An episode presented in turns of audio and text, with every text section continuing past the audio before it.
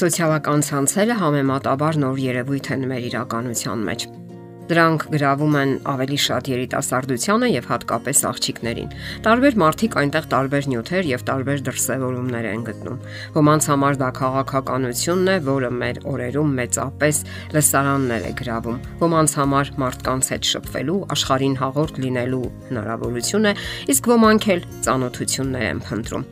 Շատերն այնտեղ ներկայացնում են իրենց կյանքը, իրենց ընկերներին, իրենց անձնական կյանքից հատվածներ, հետաքրքիր իրադարձություններ, թե ինչպես են ապրում, նշում իրենց ծննդյան օրը, ճոխ սեղանի շուրջ եւ այլն։ Դե իսկ ոմանց համար այն նաեւ པարծենալու հնարավորություն է ցուցադրելու այն, ինչն իրենց կարծիքով գեղեցիկ կյանքի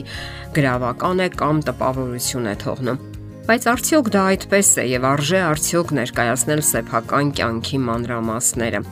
Հասկանալի է, որ մարդիկ նախկինում են այս կամ այն կերպ ցուցադրել իրենց ճոխ կյանքը, գեղեցիկ իրերն ու հագուստները, հարևանների կամ բարեկամների շրջանում, իսկ ահա այժմ ավելի լայն հնարավորություն է ստեղծվել դրա համար։ Կարելի է անընդհատ սելֆի անել, ցուցադրել սեփական մարմինը, փորձել գրավել ոմանց ուշադրությունը։ Նպատակը մեկն է, որ ավելի շատ մարդիկ տեսնեն իրենց, ավելի շատ լայքեր կամ հավանումներ հավաքեն։ Իսկ երբեմն էլ վիրավորվել, որ այս կամ այն մարդը չի դրել լայքը կամ սրտիկը։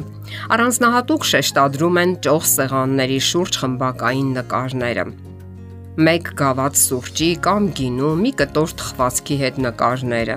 որևէ էկզոտիկ վայրում նկարած նկարները, ռեստորան, բնության գիրք, գեղեցիկ տեսարաններ եւ այլն։ Նպատակը մեկն է՝ տեսեք ինչ գեղեցիկ եմ ապրում ես։ Կարող եք անգամ նախանձել, որովհետեւ ես այսպիսին եմ։ Այդ նույն նպատակն է հետապնդում նաև ստացած ծաղկե փնջերը ցուցադրելը լայնաբերան ժպիտներով, լինի ծնունդ, տոնակատարություն, թե այլ հիշարժան օր։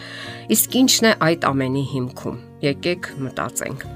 Հոգեբանները փորձում են ողրզել, թե ինչու են մարդիկ այդպես մղվում դեպի սոցիալական ցանցերը։ Արդյոք նրանք միայնակ են, ճանաչման կարիք ունեն, իսկ միգուցե փառասիրությունն է նրանց մղում այդպես համառորեն ներկայացնել իրենց։ Փառասիրության եւ ճանաչման ծարավը հատուկ է մարդուն եւ եղել է բոլոր դարերում։ Իսկ այժմ այլ հնարավորություններ կան ցուցադրելու իրենց այսպես կոչված գեղեցիկ ու ճոխ կյանքը։ Ավելի հասուն անznավորությունները կարողանում են առանձնացնել իրենց եսը այն բանից, ինչը կոչվում է ես ունեմ։ Այստեղ է տարբերությունը པարծենկոտության եւ իրեն ներկայացնելու միջև։ Ընդ որում հարկավոր է պատկերացնել եւ շատերը իրապես էլ հասկանում են, որ ամեն ցուցադրություն չէ, որ ծափահարություններով է ընդունվում մարդկանց կողմից, իսկ ծաղրական արտահայտությունները տհաճ հակազդեցությունները, ում չեն հայտնի նման մեկնաբանությունների պատճառած տհաճ զգացումները։ Եվ այնուամենայնիվ երիտասարդների մեծ մասը պատրաստ է դրան եւ շարունակում է այսպես կոչված իր ելույթները հանրային հարթակներում։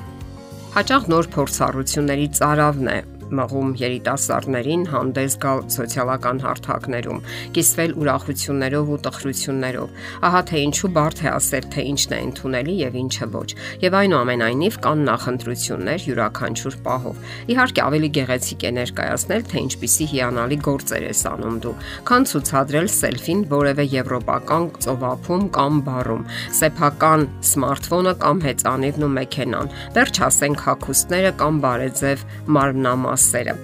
Հասկանալի է, որ համեստությունը ոչ մեկին դեռևս չի վնասել, իսկ հա པարծենկոտությունը կամ գլուխգովանությունը կարող է վնասել։ Բոլոր դեպքերում կարելի է մտածել, թե ինչն է ավելի ընդունելի, ինչն է որ կարող է զարգացնել մարդուն առաջ մղել իր ցանկություններում ու երազանքներում եւ նպաստել լավի ու գեղեցիկի առաջընթացին։ Սոցիալական ցանցերում դուք կարող եք կիսվել ձեր ուրախությամբ։ Օրինակի համար դուք երեխա եք ունեցել, դա մեծ ուրախություն է, սակայն պետք չէ նաև դա դարձնել ամենօրյա ներկայացում։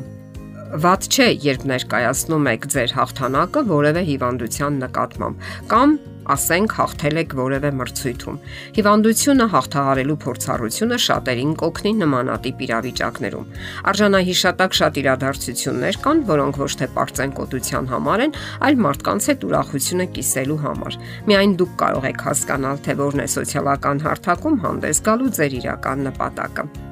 կամ ասենք հասել եք հաջողությունների։ Սա եւս կարող է տեղավորվել դրական փորձառությունների ցանկում։ Դուք նվաճել եք լռան գագաթը, ընդունվել եք համալսարան, նկարահանման եք մասնակցում, ավարտել եք ձեր նոր գիրքը կամ նկարը։ Դա կողքեվորի մարդկանց, որ իրենք էլ մասնակցեն նման միջոցառումների կամ կմղի, որ իրենք էլ հասնեն նման հաջողությունների, ինչը միանգամայն ընդունելի է, որովհետև կյանքը առաջընթաց է։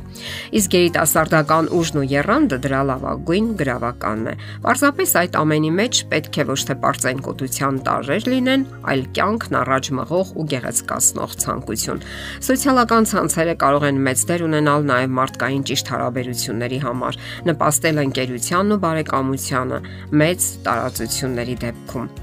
Դե ինչ սիրելի երիտասարդներ, եղեք նախաձեռնող, սակայն ընտրեք բարին ու լավագույնը, այն գեղեցիկը, որ կարող է ողջևորել նաև մյուսներին։ Եթերում է ճանապարհ երկուսով հաղորդաշարը։ Հարցերի եւ առաջարկությունների համար զանգահարել 033 87 87 87 հեռախոսահամարով։